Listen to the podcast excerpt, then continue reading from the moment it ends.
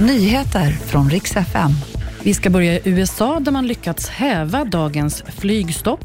Och så ska vi prata om elpriserna, för de fortsätter neråt, i alla fall för de flesta i landet. Vi ska börja i USA. Där har man alltså kunnat häva dagens flygstopp och alla plan blev ju kvar på marken idag efter omfattande datorhaveri. Det här har gett rejäla förseningar för tusentals flygningar. President Biden har begärt att en utredning ska göras av dagens haveri. Det finns i alla fall i nuläget inga tecken på någon cyberattack. Och vi fortsätter till gårdagens trend och rapporterar om sjunkande elpriser för Sverige.